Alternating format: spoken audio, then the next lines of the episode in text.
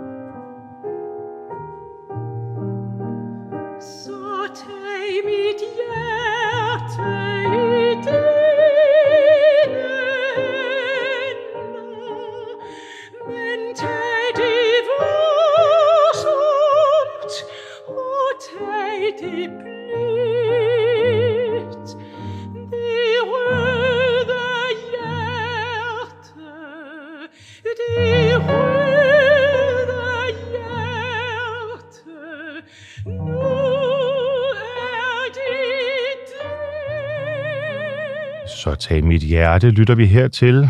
En sang af svenske Hugo Alfven med danske Tina Kiberg. Og det gør vi, fordi Tina Kiberg er en af de danske sangere, som står min gæst her i studiet allernærmest. Og min gæst i dag er i virkeligheden en slem forsømmelse, eller rettere, det er mig, der har begået forsømmelsen, fordi igennem nu mere end to år har vi haft sanger og dirigenter og komponister og musikere i alskens størrelser her i kammertonen. Men jeg har fuldstændig glemt publikum. Og det er derfor du, Paul Nejlund, frisør igennem 63 år, og blandt andet frisør for hendes majestæt dronning igennem 43 år, er med her i dag som inkarneret operaelsker. Hjertelig velkommen. Tak. Og øh, tak fordi du vil øh, lade os lytte til øh, Tina Kiberg her. Hvad er det ved hendes stemme, som betager dig så meget? Det er jo nok det, at jeg har mødt Tina Kibberg, da jeg var ung, og især har jeg, har jeg oplevet hende i mange af hendes forestillinger. Salome på det Kongelige Teater, og Ja. i Bayreuth, hvor hun sang Sit Linde, og Elisabeth i, i uh, Tandhøjser, og en lang, lang række andre forestillinger, hun har sunget dernede. Og, og der synes jeg, at hun har været en utrolig fremragende sangerinde. Og her hører vi hende jo i en helt anden, mere blid sang, end øh, det du nævner med Strauss og, Ja. og Wagner og så videre. Det mestrer hun også. Det mister hun også. Lad os lige høre de sidste toner. Her er Så tag mit hjerte.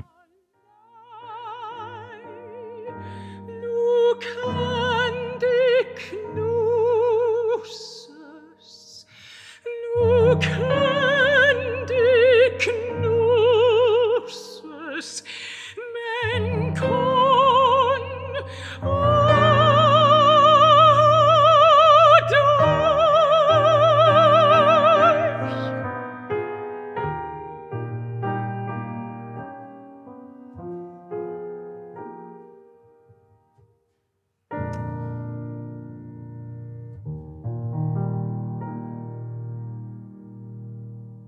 Så tag mit hjerte her. En skøn indspilning, hvor vi havde Tove Lønskov ved klaveret. Og her i studiet, øh, på denne royale dag, øh, dagen, hvor hendes majestæt dronningen udråber den, eller det er så Mette Frederiksen, der gør det, men i hvert fald overdrager til hans kongelige højhed, og snart kong Frederik den 10. Der har vi to den næste time, Paul, øh, hinandens selskab. Og det har jeg glædet mig til, fordi du har igennem et, øh, et langt liv, tillader jeg mig at sige, været øh, operafan, og har øh, her i sommer, da vi mødtes, øh, fortalt mig bare sådan indledningsvis nogle af de ret sjove oplevelser, som du har haft i, øh, igennem ja, det lange liv, hvor du, forstår jeg, primært i kraft af dit erhverv som, som frisør, har haft lejlighed til at rejse, men så når man har, er kommet lidt fri af, af de professionelle messer og så videre, så også lige har fundet tid til en enkelt forestilling eller to. Og, øhm, og hvad har det egentlig betydet for dig at have operaen sådan igennem et, øh, et helt liv som en, som en følgesvend? Jeg tror, jeg vil sige, øh, ligesom der står på min fiskebil, der står der, at man kan leve af fisk, men ikke uden. Og jeg vil skynde mig at sige, at man kan leve med musik, men ikke uden. Jeg tror, det er en så vigtig del i ens liv, det er klassisk musik. Ja. Og jeg husker, at jeg var dreng, der som stor dreng, der tænkte jeg, når jeg hørte øh, egne kleine nakmusik på radioen, og de fortalte, at det her det er det mest spillede musik, Så tænkte jeg, det er du nødt til at lære, og du må vide noget om det her, og du er nødt til at lytte til det, fordi det må man gøre. Det tænkte jeg. Uh, og det var sådan set starten på min interesse for musik. Hvor fik du så det fra? Altså, var det i dit hjem, øh, eller hvor, hvor kom øh, Jeg fik, interessen? jeg fik ikke nogen inspiration udefra. Jeg fik det for mig selv, fordi jeg var nysgerrig. Ja, Og ligeledes, der var, de, der, de spillede også tango jalousi, og sagde, at den, den spiller man over hele verden hele tiden. ja, Og, og sådan nogle ting, det tænker jeg, det er, det er noget særligt, det der. ja. Tango Jalousi, som jo er et øh, Jakob Gade, et, ja. Et lidt lettere stykke musik, men som øh, jeg tror, man plejer at sige, at, at uanset hvornår, øh, på, på tid, hvilket tidspunkt det måtte være, så ja. Et eller andet sted på kloden. Ja. så spilles netop det stykke musik. Det gør det, ja. Øhm, noget af det musik, som du har, øh, har, har talt om i vores indledende samtaler, ja. Som vi skal høre her, Ja. det er jo en, en lidt anden karakter. Det er lidt mindre let end øh, tango jalousi. ja. Du har været meget til, øh, til de store, øh, dramatiske komponister. Er det rigtigt? Ja, det er rigtigt. Altså, jeg vil sige, at min yndlingskomponist er nødt til at sige, at det må være Richard Strauss Ja. og Wagner. Ja. To af de de store to. tyskere. Ja. Altså, Hvad ikke, er det, de kan? Hvad er det, du synes øh, er noget særligt ved dem? Jamen altså, de kan ligesom bygge noget musik op, så man bliver så utroligt grebet af det. Og jeg tænker på første gang, jeg hørte Rosenkavalieren, det var i Hamburg, Ja.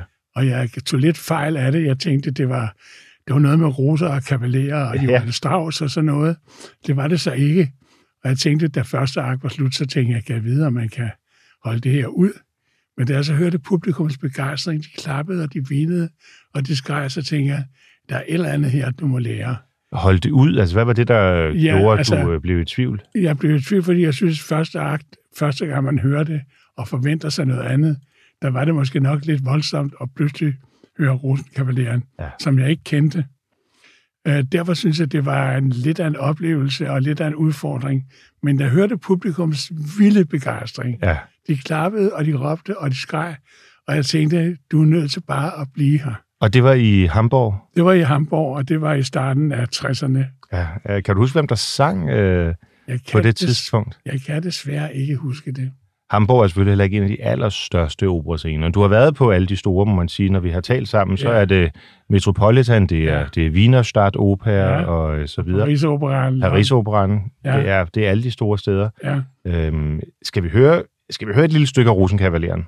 det synes jeg vil være rigtig dejligt. Øh, Jeg, øh, jeg har jo et, et, et blødt punkt for Luciano Pavarotti, Ja. øh, og der er jo faktisk en meget romantisk arie i, i Rosenkavaleren i, i første akt, Ja, hvor budbringeren kommer ind og synger den her meget italienske Di rigore amato.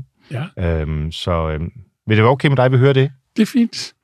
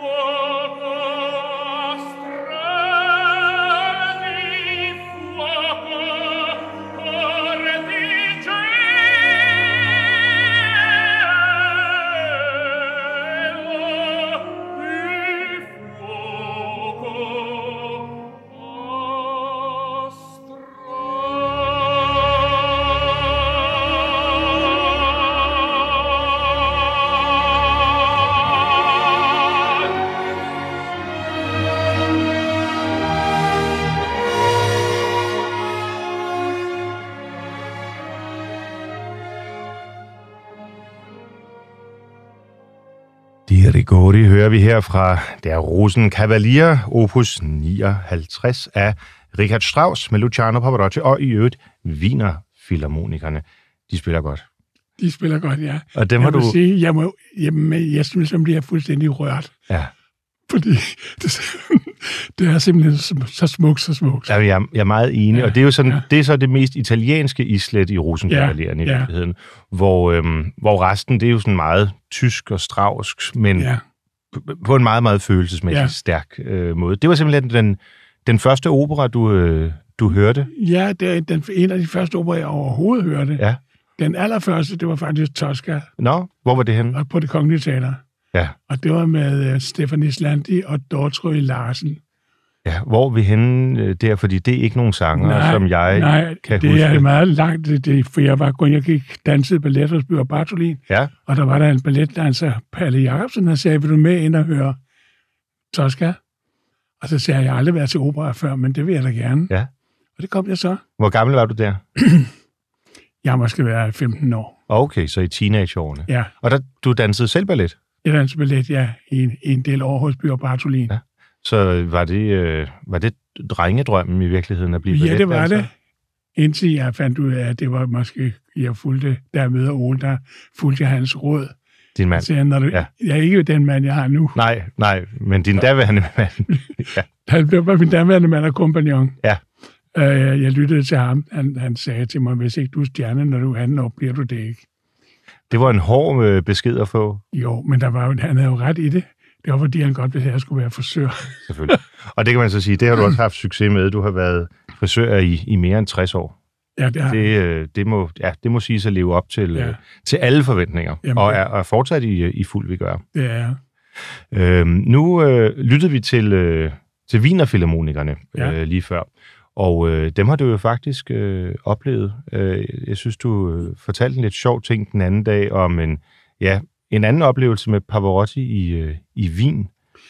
Ja, det var jo, at han sang i, ja, var det nu elskovsdrikken? Ja. Ja, det er altså en ej elskovsdrikken, der fik publikum til at klappe midt i forestillingen. Ja, Det gør man ellers ikke der. Jeg tror ikke, man gør det dernede, men det gjorde de altså. Og de klappede så længe, at han øh, stod med sit lomserklæde og viftede, og så så han på dirigenten, og så tog de den lige en gang til. Imponerende. Og det har jeg også oplevet i New York sammen med Joan Sutherland, hvor de ligger i en anden, og den andens arme, og jeg ved ikke, om de var døde eller halvdøde. I hvert fald rejste de sig op efter et kvarters tid. Klapning, klapper, at publikum var vilde, så rejser de sig, og så tager de hele scenen igen. Det, det er jo i sig selv imponerende, synes jeg, at høre. Øh, ja, jeg ved jo godt, at de har optrådt selvfølgelig, og de er der, men Pavarotti og Sutherland, det er jo dem, som øh, jeg vokset op med. Altså at, at have oplevet dem på scenen må være øh, fuldstændig fantastisk. Det var fantastisk, og det var fantastisk, at jeg overhovedet kom til det i New York, fordi der var jo lige da jeg når billetsalget, eller jeg er den sidste, og der er der bare udsolgt. Nå, Og så er der en mand, der ligner en, en forbryder, han ser på mig med nogle forbryder. mystiske øjne, og han siger til mig, du fik ingen billetter, Ja. og hvor kommer du fra? Og så siger han, ham der står derovre, sådan diskret, sagde han, han har billetter. Prøv at spørge ham. Så det var en, en vaskægte billethej, du blev Ja, udsat for. og så kom der en anden, der kom hen til ham, så sagde han, hvem har sendt dig herhen? Og så sagde han, hende, der står derhen med det ene øje, hun har to billetter. Og dem fik I så fat i. Og dem fik jeg fat i en, for jeg var alene. Ah, okay, sådan. Ja. Så øh, det var ikke engang planlagt, at du skulle ind og høre de her Nej, to, nej. måske Jeg- allerstørste sanger i deres tid. Jeg hørte dagen før uh, Ariadne på Naxos, og jeg mener helt bestemt, det var med Montserrat Cavalier. Ja, Det spanske. er frygtelig mange år siden. Ja. Men uh, jeg mindes bare, at det var en vidunderlig forestilling. Og, men dagen efter var det selvfølgelig det helt store, fordi Pavarotti og Joan Sutherland sammen, så kunne det ikke blive finere. Ej, det er jeg meget enig i. Og de sang i, i uh, Puritanerne. I Puritani, som er en, øh, en opera af Bellini fra ja. Ja. i, i bel canto-genren, og øh, som jo er det, som, som de i virkeligheden nok får sådan deres fælles gennembrud med, kan man sige, ja. Ja. der i, hvor er vi i 70'erne på det her tidspunkt? Det er starten af 70'erne. Ja, noget af den stil. Jeg tror, det egentlig kunne det være omkring 74. Okay, jamen det giver meget god mening. Jeg kan Ja. ikke, øh, altså Pavarotti på øh, Metropolitan i New York, øh, da de lavede, det er så ikke øh, øh, Bellini, men Donizetti, da de lavede Regimentets datter, Ja. ja. jamen, øhm, der fik, det var jo der, han blev udråbt til at være kongen af det høje C, og fik forsiden på Times og øh, så videre. Så det er jo virkelig nogle store øh, personligheder, du har oplevet. Ja. Vidste du, da du købte billetten af den enøjede dame, vidste du så, at det var de her, du skulle ind og høre? Øh, jeg, vidste, jeg vidste godt, hvad jeg skulle ind og høre, men egentlig kendte jeg ikke øh, puritanerne. Jeg tænkte bare, jeg vil gerne ind og høre John Sutherland, ja. Som jeg elskede og Ja. synes var vidunderlig. Og Pavarotti, det var, de var i deres unge dage, og. Ja. de var jo begge to smukke, og, og det var en oplevelse for livet. Jeg tænkte, om jeg så skulle bruge mine sidste penge på det. Jeg måtte jo betale en sortbørsbillet, og damen med det ene øje, hun stod og var lidt flov over, at hun var amerikaner. Jeg sagde, jeg synes, at amerikanerne er forrygende. Jeg føler mig så godt tilpas, og de er søde, og de, er, de modtager en så dejligt. Det er jeg så glad for. Og så sagde hun, ja, det kan de være. Så sagde jeg, ved du hvad, du har da ikke noget at skamme dig over. Du har din forretning, og du kan jo ikke stå i et supermarked og sælge med det ene øje der. Det ville være meget mærkeligt, hvis du gjorde det. Jeg synes, jeg respekterer dig, at du investerer i to billetter, og dem sælger du og får dem betalt, godt betalt. Og det synes jeg er fint. Du klarer dig selv. Det gjorde i hvert fald, at du kunne øh, få en billet. Det er jo ikke sikkert, at det, Ja. øh, det var lykkedes, øh, Nej. hvis ikke der havde været den, øh, den Er det egentlig almindeligt, at der er sådan øh, ja, sortbørshandel med Det billetter? aner jeg faktisk ikke. Nej. Nej, jeg har aldrig prøvet det før. Og hun, hendes søn stod der, han sagde, du må, selv, du må kun sælge to billetter, mor. Så sagde jeg, men når nu du får dem så godt betalt, som du vil øh, så kan jeg kan kun købe en. Jeg, jeg kan ikke sælge sort bør. Kan, kan du huske, hvor meget du gav for dem? Nej, jeg kan ikke huske Men det var væsentligt mere end det var i hvert fald listeprisen. mange gange prisen. Ja. Men jeg tænkte, det må man altså ofre, selvom man egentlig ikke havde råd til det. Fordi det var ikke, fordi jeg havde så mange penge dengang, det ville være synd at sige. Men øh, de oplevelser, man havde, dem var man nødt til at tage. Og det er præcis de oplevelser, som, øh, som jeg er glad for, at du vil dele her i, øh, i den her øh, udsendelse, fordi det handler jo om at være publikummer, og man kan sige, hvis ikke der var nogen, der ville lytte og opleve, sig betage, så ville det blive lidt en, øh, en steril omgang at, øh, at øh, skabe musik. Men jeg synes, vi skal høre lidt fra øh, puritanerne, for der findes faktisk, faktisk en indspilning, jeg tror, den er fra det omkring slut 60'erne, start 70'erne, med netop Luciano Pavarotti og, og Joan Sutherland. Ja. Så, øhm, og der er en duet fra, øh, fra tredje akt, som jeg synes, jeg ved ikke, om vi når at høre det hele, men i hvert fald, vi kan høre lidt af, hvis du har lyst Ja, at ja, tage med på den rejse. det har jeg.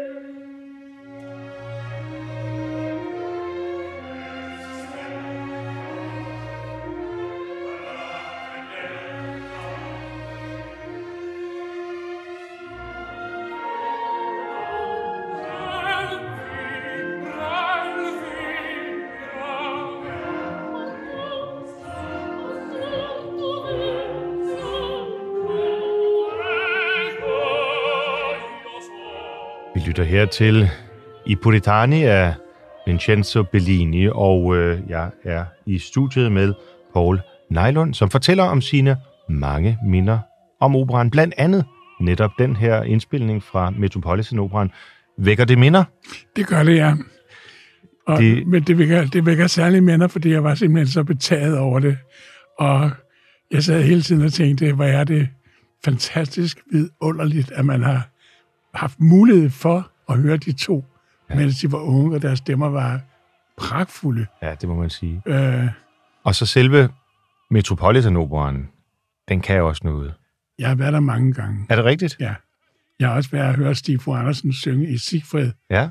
øh, på Metropolitan, og det var også en kæmpe oplevelse. Hvad er det, de her store operahuse kan? Øh, For der er jo sådan en håndfuld af de her operahuse i, ja, i, i Vesten og USA, hvor man siger, at det er, det er stjernernes legeplads. Jeg Gør det en forskel, om man sidder der, eller om man sidder i Hamburg Operan? det gør den forskel, at, at nogle af de steder har virkelig fuldt orkester, hvor det er kæmpe, kæmpe stort orkester. Og jeg ved ikke, om man, om man har nogle forestillinger nogle steder, hvor det er mindre orkestre. Jeg ved bare, at den får sådan en ordentlig en, som man tænker, det er altså, man bliver blæst som kul. Man kan mærke det helt nede i Ja, maven. det kan man. Og så formår de jo også, som vi hører her, at, at tiltrække de aller, allerbedste sangere. Ja, det gør det. Jeg kan huske, da øh, den nye opera i øh, København åbnede, der lykkedes det øh, øh, Kasper Holten at få Domingo til at komme og synge i Valkyrien. Ja. Men det er heller ikke noget, der sker hver anden dag. Nej.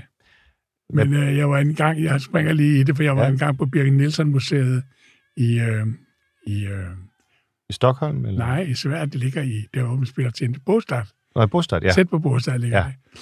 Der var på hendes museum, og der er der altså et billede af hende, og, hvor man trykker på nogle knapper, så synger hun.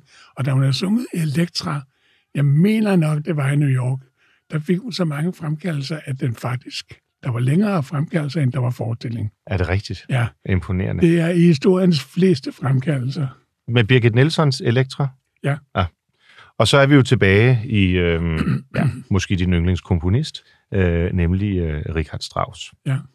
Øh, Strauss bevæger sig jo meget altså i, hvad kan man sige, det, det er meget forskelligt, hans, øh, hans musik. Noget er ekstremt romantisk, som det vi hørte øh, før med Di Rigori fra, fra Rosenkavaleren. Men Elektra, altså det er jo ligesom, man kan blive skræmt. Altså, jeg vil sige, jeg var, ja, altså, lad mig være ærlig og sige, jeg har lige været inde og se Elektra på det kongens teater Mhm. i den her sæson, og jeg var så flinterne irriteret over den rejsesfulde scenografi. Ja. Jeg ved godt, det fik en god anmeldelse, men jeg synes, kostymerne og Elektra, som lignede, jeg ved ikke, hvad hun lignede med kort hår, klippet, plysset, og jeg synes, det var en grim forestilling. Øh, det ærger mig. Hvad gør Men- det men ved, ved musikken- oplevelsen? Jamen, jeg sidder bare og ærger mig. Tænker jeg, så kunne jeg se den hjemme på nettet, set med nogle... Det var jo en meget yndig kvinde, der sang, og hun sang i øvrigt vidunderligt. Men øh, det er ikke nok. Altså, jeg synes, den, var, den forestilling irriterede mig. Ja, den var lavet på en meget sådan modernistisk måde. Jeg så den også, øh, hvor det hele foregik i en Lejlighed. her- herskabslejlighed Ja. eller noget. Ja, Men det gjorde ikke noget. omkring et bord, hvor der så sad dukker. Ja, hvor hun frem og tager det nogle stjernekaster op i hovedet på sin far. Jeg ved ikke, hvad hun gjorde. Jeg synes, det var en forfærdelig scenografi. Ja. Hvad betyder det egentlig for, øh, for oplevelsen, når man går i operan, tænker du, øh, at, at scenografierne nogle gange kan ja, tage, stikke af? Ja, jeg synes nogle gange, øh, nu er, vi har talt lidt om Bayreuth, har vi ikke det? Jo, vi har været lidt inde Ja. på det her. Jeg synes nogle gange, så tænker jeg på Bayreuth, for jeg, da jeg var der, der er meget ung, og der Tina sang der, der synes jeg, at der var Tina der kostymer. ja, ja. Tina Kibberg. Ja. Der man kostymer på. Det har man også i dag, men jeg synes, det bliver mere og mere moderne, og mere og mere uforståeligt, at man tænker, jeg vil aldrig bruge penge på at rejse til Bayreuth i dag. Og, og bo dyrt, det koster jo mange penge at være der, og Ja, ja. billetterne er dyre. Men, Og øh, svært tilgængelig. Altså, jeg har aldrig lykkedes at få en billet til... Jeg øh, tror, det er nemmere nu, fordi de har nogle forestillinger, der er så moderne, lad os sige det sådan. Jeg, jeg, er nok, jeg er jo en gammel mand, og, og jeg har nok altid haft en lidt gammeldags smag muligvis. Men øh, jeg kan huske, da i Bayreuth, da Tina Kibberg skulle åbne en åbningsforestilling, det var med øh, et tandhøjser. Og jeg husker den stemning, der var der, det var simpelthen, som man, det var vidunderligt og pragtfuldt at være der. Ja.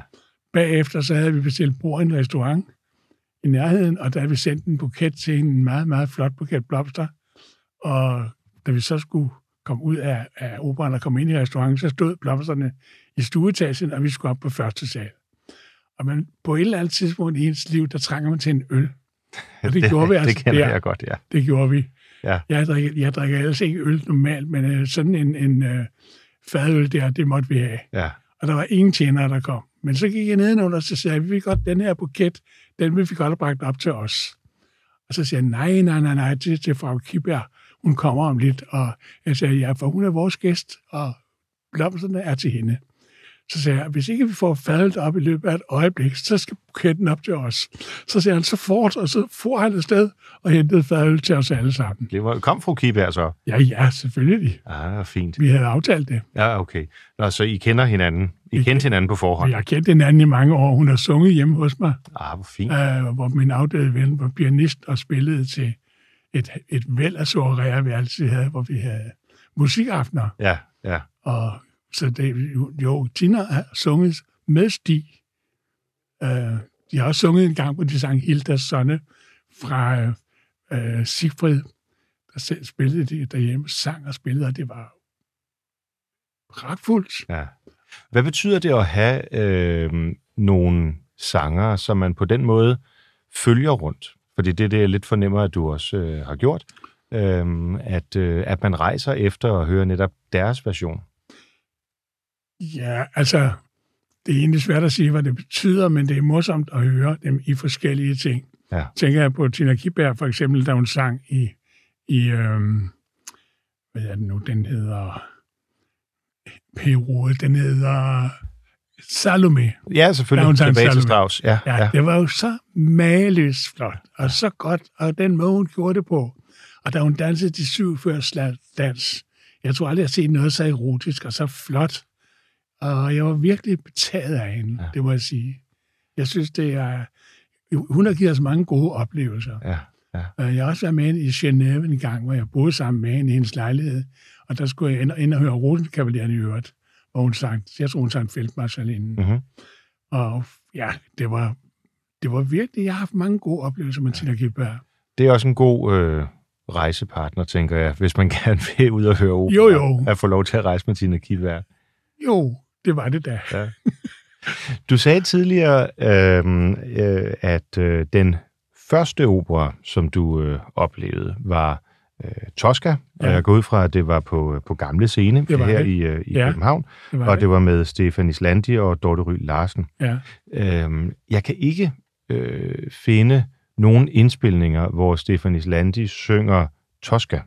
Der er jo ellers masser af Recondita Harmonia og ja. Andre skønne, skønne ting.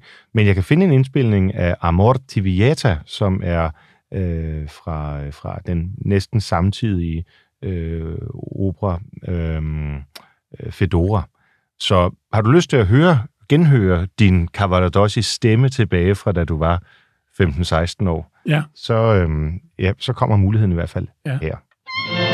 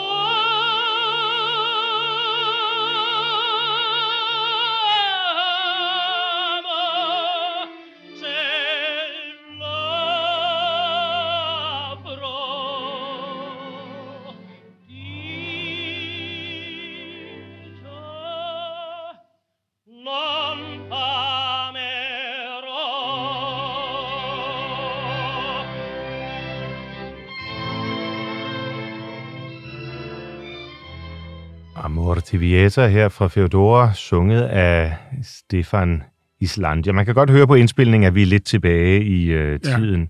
Ja. Men sikke en stemme. Pragtfuld stemme. Jeg vil også sige, at jeg vil korrigere mig selv en lille smule og sige, jeg kan jo sagtens huske forkert på nogle af de der ting, for det er alligevel rigtig, rigtig mange år siden. Jamen, det tror jeg både lytterne og jeg vil tilgive dig. Ja, Øh, jo, det, ja. det er mere det at blive bragt ind i den øh, stemning, Ja. som, øh, som øh, Jeg vil også fortæller. sige, altså det, som der egentlig greb mig allermest, det er jo nok nemlig stemningen, og det, som gjorde, at jeg ligesom, som jeg fortalte om Rosenkavalieren, altså når de efter første akt jubler så meget, så tænker jeg, at det her må du lære. Ja. Og da jeg kom hjem, jeg var frisør blandt andet for John Fransen, der var dirigent, og han fortalte mig, at Rosenkavalieren, det er nok det, det skønneste, der er skrevet. Og derfor er der en lille sjov historie med Rosenkavalieren, det er, at jeg er inde og hører det på det kongelige teater, og så møder jeg en af mine kunder ude i garderoben efter første akt. Og hun er rasende. Hun raser, og hun ser ud som en, der er blevet stukket af, jeg ved ikke hvad, og tager sit tøj på og siger, går de? Så siger hun, om jeg går? Ja, det kan jeg love dig for, jeg gør. Så sagde jeg, jamen, er der da noget galt? Om der er noget galt, sagde hun så, ja, det vil Gud, der er. Så sagde jeg, men det kan da ikke være musikken. Musikken, sagde hun, kalder du det musik? Nå. Jeg er den, der er gået. Så sagde jeg, ved hvad, giv det dog en chance. Næste akt er så vidunderlig. Nej, væk med hende. Det var ikke noget. Og jeg kom aldrig til at se hende mere som kunde. Er det rigtigt? Ja, hun var vred ud over alle grænser. Hold da op, men det var da ikke din skyld, at hun havde forvildet sig Nej, i teateret. Nej, bestemt ikke. Men hun er selvfølgelig, ligesom jeg selv, har taget fejl af Rosenkavalieren. Ja. Hun havde nok forestillet sig noget andet. Ja, lidt mere parfumeret. Øh. Ja, noget helt andet. Eller, eller hvis jeg må få lov til at citere dig, øh, øh, Poul Nejlund, øh, for forleden dag, da vi talte sammen om, om, hvad vi skulle tale om i dag, Ja. der kaldte du elskovstrikken for en tynd kop te. Kan du huske det? Ej, gjorde, gjorde virkelig? ja, det gjorde Nej, du. nej, jeg har nok ment, at altså, det, den er lettere genre. Ja, men det er fuldstændig rigtigt. Ja. Jeg var bare så overrasket over, at have, hvis man har oplevet Luciano Pavarotti i Wienerstadt-operan, og så sidde ja. med fornemmelsen af, at det var en tynd kop te. Ej, Men det tror, var genren, du tænkte på. Ja, det må det være, fordi jeg mener ikke, at elskovsringen var en tynd kop te. Jeg synes, det var en oplevelse. Ja, det må det Især med Pavarotti, der gjorde det to gange. Præcis. Ja, så Det, det er vel lidt atypisk, altså det der med at tage en da cabo. jeg ved ikke, om man gør det i dag. Nej, jeg tror ikke, jeg har... Nej, men øh, jeg oplevede det to gange. Ja. Blandt andet med Joan Sutherland og Pavarotti. Så både i, øh, i Wien med elskovstrikken, Ja. og så med I puritanerne med... Øh, Jeg tror også, de var nødt til det i New York og, og, og synge en gang til, for ellers Ja. ja. publikum klappede nu. ja, ja, De klappede som sindssyge. ja. Der er en, den største tenorarie, tror jeg, i øh, puritanerne, det er den, der hedder Ateo Cara, øh, til dig, min elskede, som er i første akt, mener jeg. Og den er nemlig meget lyrisk, og hvis jeg ikke tager helt fejl, så tror jeg, at den har et højt D, som jo er sådan en pragtpræstation for ja. Ja. en tenor. Ja. Øh, Der kunne man godt forestille sig, at øh, det New Yorker-publikummet har sagt, det skal De- vi have igen. De var vilde. Så- Øhm, en, øh, en anden øh, virkelig stor øh, karakter på, øh, på opera, opera Stjerne Himlen, som øh, du har fortalt om, at du har hørt, det er øh, Maria Callas. Ja, Prøv at sige lidt om, hvornår har du oplevet hende? jeg tror, det må være i 60'erne. Og igen må jeg sige, hvis ikke det var i 60'erne, så må jeg altså undskylde mig, hvis ikke jeg husker rigtigt, men jeg tror, det var i 60'erne. Og jeg husker, at jeg stod i kø fra klokken 4 om morgenen i Falconer-centret. Det er her i, øh, altså ude på Frederiksberg. Ja. Ja. Og jeg husker også, at da klokken var 6, der kom Irma, som jeg forestiller mig var, var nystartet. Ja. Ja. Relativt nystartet. Ja, det er som De super. kom med morgenmad, Til, med boller og musik og kaffe og te, og hvad det nu vi kom med. til dig, eller? til alle de mange mennesker, der stod i kø. For der var jo ikke noget, der hed billetsalg, som man har i dag, hvor du printer ud med din Nej. computer. Der var det om at stå i kø og tage et nummer og stå i kø. Ja. Og det gjorde vi, og der var en, en pragtfuld stemning, fordi alle var jo op på mærkerne, man skulle ellers høre Maria Callas. Så man simpelthen øh, lå fra den tidlige, tidlige morgenstund på, eller stod på gaden, og... Øh, Man stod inde i falconer okay, sådan. så man, man stod ikke og frøs, man var indendør. Og selve den stemning var betagende. Hvordan, er det så en konkurrencepræget stemning, eller er det en, en glad stemning blandt publikum? Når man, eller øh, dem, der vil have Nej, billetter? nej, nej. Det, man, alle fik jo billetter, der stod der. Ja. Jeg tror, billetkontoret har også åbnet for telefoner, men det er...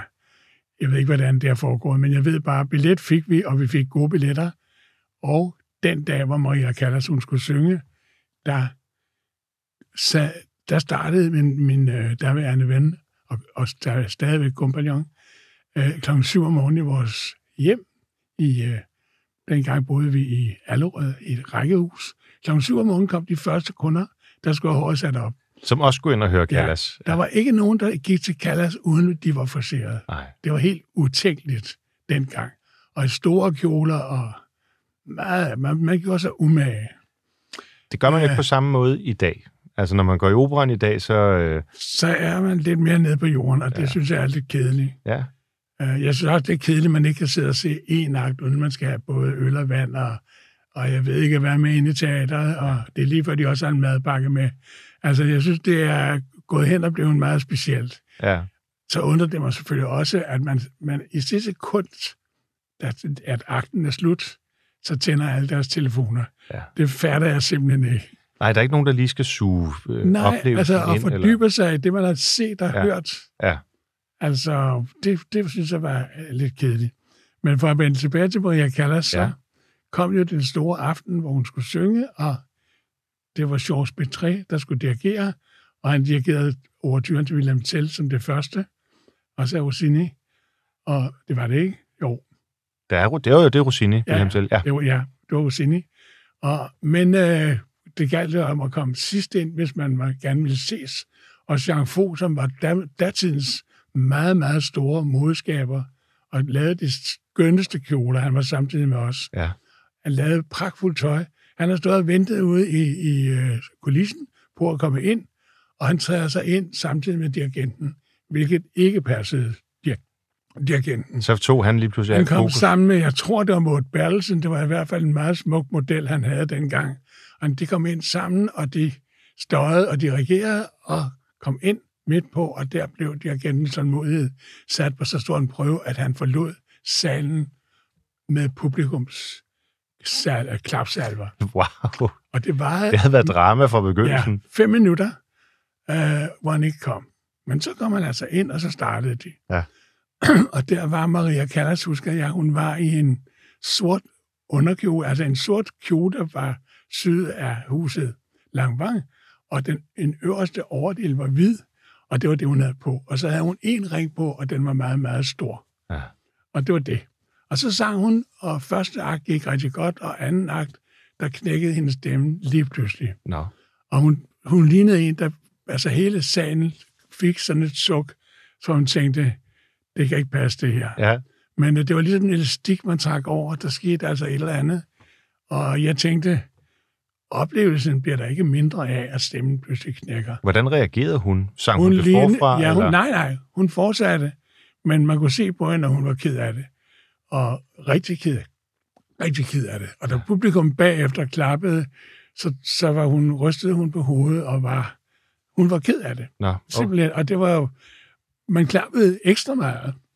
Ja, for at øh, og, ja, trods alt at. Ja. sige, sige, en, øh, sige en tak. Maria Callas er jo en af, af, af de store øh, sopraner, som også den dag i dag øh, ja, er blevet sådan nærmest et, et, en myte inden Ja. for, for opera. Jeg tror også lige, der er kommet en, en ny film øh, om hende, og ja, hendes privatliv har jo også, øh, også fyldt øh, meget. Ja. Men øhm, det er lidt usædvanligt, tænker jeg, at hun laver en Rossini-koncert. Jeg har også jeg tidligere har forbundet hende med, med Bellini, og især bel canto-genren.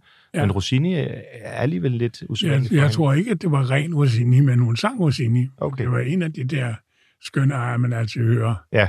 hende synge. Og Jeg jeg, har, synes, ja, jeg synes, hun var i hvert fald en af mit livs meget store oplevelser. det kan jeg i den grad forestille mig. Ja. Ja. Og, og jeg synes, vi skal høre lidt Callas. Øhm, og jeg har faktisk fundet her fra, øh, fra Wilhelm Tell, som du øh, siger, i hvert fald overturen var øh, en, øh, en ej fra, fra anden akt, som hun har, øh, som hun har indspillet, Selva Opaca, hvor hun synger Mathildes parti. Så lad os lige høre lidt Callas a la Rossini. Thank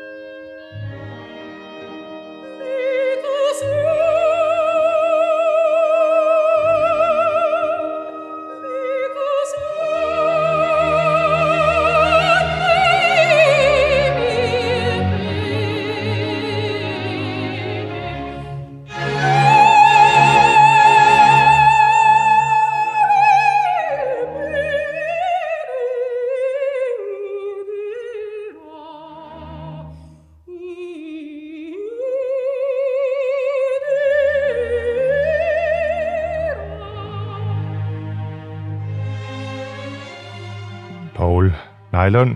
Vi hører her Maria Callas, som du har oplevet, måske endda synge den her øh, arie for øh, nogle årtier tilbage på, var det Falconer-scenen? Ja. Hvad, øh, nu vil jeg godt sige noget, som muligvis gør, at vi bliver dødelige uvenner. Jeg har aldrig været nogen stor Callas-fan. Jeg synes altså, hun har en, hendes stemme har en, en, en skingerklang. Det har han jo ikke der. Nej, men i så meget andet, hvor man hører det. Du kan have ret i det. På nogle områder er hendes stemme lidt, måske skinger lidt, men det bortforklarer ikke, at hun var så stor en personlighed, at man ligesom... Det, det svarer jo til, at hvis man hører russiske sanger ind og synge, så er det et helt andet toneleje, end man har i, i hvor vi kommer fra. Ja, det er selvfølgelig rigtigt. Altså, der er nogle, øh, nogle øh, sanger, som synger på en lidt anden måde. Mig har det aldrig generet. Jeg synes, hun synger pragtfuldt, og ja. jeg synes, hun var spændende. Det var selvfølgelig et andet liv, hun levede.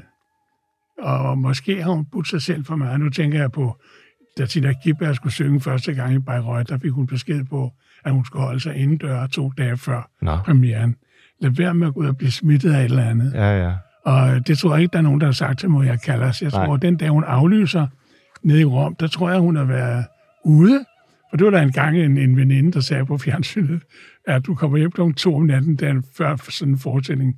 Det er måske ikke det klogeste. Nej, det er ikke øh, det, er det bedste for stemmen. Men det er, jeg tror, det er sådan, at det været dengang, man har været. Tror, jeg tror ikke, det er noget med, med tidsånden også. Jo, selvfølgelig. Men, men det fortæller en ting, det er, at man skal tage sit arbejde meget seriøst. Ja. Og tænke meget over, hvad man gør. Ja. Især når man er kunstner.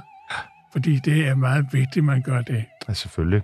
Er respekt netop for publikum, som... Ja, Ja, og det er jo det, du beskriver i hvert fald, kan nogle gange komme rejsende ganske langvejs fra, ja, øhm, helt til New York og, og andre skønne steder, øh, for Ja. at opleve dem, man øh, har lyst til at Ja. høre. ja. Øhm, nu har vi talt øh, både om Bel Canto, øh, vi har Ja. lige hørt Rossini, vi har hørt øh, øh, Bellini tidligere, og vi har talt en hel del om, øh, om de, de tyske øh, store scenromantikere, hvis vi kan kalde ja. Wagner og, og Strauss det. Hvad med alt det indimellem, øh, Paul Nylund? Er der slet ikke noget Verdi og Puccini? Det er der da. Nå, Det er der da. ja. Ja, I høj grad. Og jeg synes også, at jeg, jeg var engang til en, en festforestilling, hvor, hvor øh, på det kongelige teater, hvor, hvor de øh, strækkede. Om det nu var scenepersonale, det ved jeg ikke, men i hvert fald, der stod kunstnerne foran et jerntæppe og sang. Nå, Nå, men nu var det jo Wagner igen. det var ikke lige det. Det var, ja, det er en god historie, lad os høre den. Ja, men øh, det var altså en festforestilling, der var. Hvor man ikke kunne gennemføre øh, sceneskift og så videre. Nej, der blev, der blev opført første akt, og det var altså i øh, Lohengrin, og det var, jeg husker det med Lone Koppel, og hun sang Overtrud, hvis jeg husker rigtigt. Men hun var, altså, hvor de andre bare sang, så spillede hun også. Ah, Hun var ligesom, øh, jeg blev grebet af hendes spil, og hendes sang, og hendes stemme. Jeg synes, hun var fantastisk. Ja.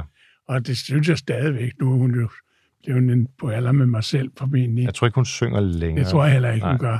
Men øh, jeg synes, det var en kæmpe oplevelse at høre hende i, øh, i, i Lohengrin. Hvor meget vil du egentlig sige, at øh, det, der foregår på scenen, betyder i en opera? Fordi nu, her i Kammertonen, vi lytter jo kun til musikken. Ja. Øh, og det giver jo også mening, og man bliver bevæget og, og optaget af det. Men hvor meget betyder det, der sådan foregår rent dramatisk på scenen? Altså, jeg synes, det er skønt, hvis man, hvis man får en forestilling, der både passer med, med sang, og især også med, med øh, den scenografi passer til det nogenlunde. Jeg er lige ved inde og se øh, Tchaikovskis øh, Nødknækkeren, eller... nej, nej, nej, Tchaikovskis opera. Nå, Oceanoniken. Oceanoniken. Ja, ja. Altså, det var en meget, meget flot forestilling, Ja. synes jeg. Ja. Også selvom de ikke kunne danse vals, fordi det var der ikke plads til. Men jeg synes, det var en flot forestilling. Og man kan sige, at det er lidt tidløst også, for det var ikke et overdådighed af, af kostymer. Øh, For eksempel, hvis jeg sammenligner med New York en gang, hvor vi var til La Traviata, og det var i Sefirellis instruktion, Ja, og ja. Øh, han var scenograf, og det var nogle kjoler, som slet ikke kunne være det her værelse, vi sidder i nu, hver enkelt, og det var en sådan pragt, som man aldrig har set noget. Og han er kendt for sådan overdådige Ja. opsætninger. Fuldstændig ja. overdådig.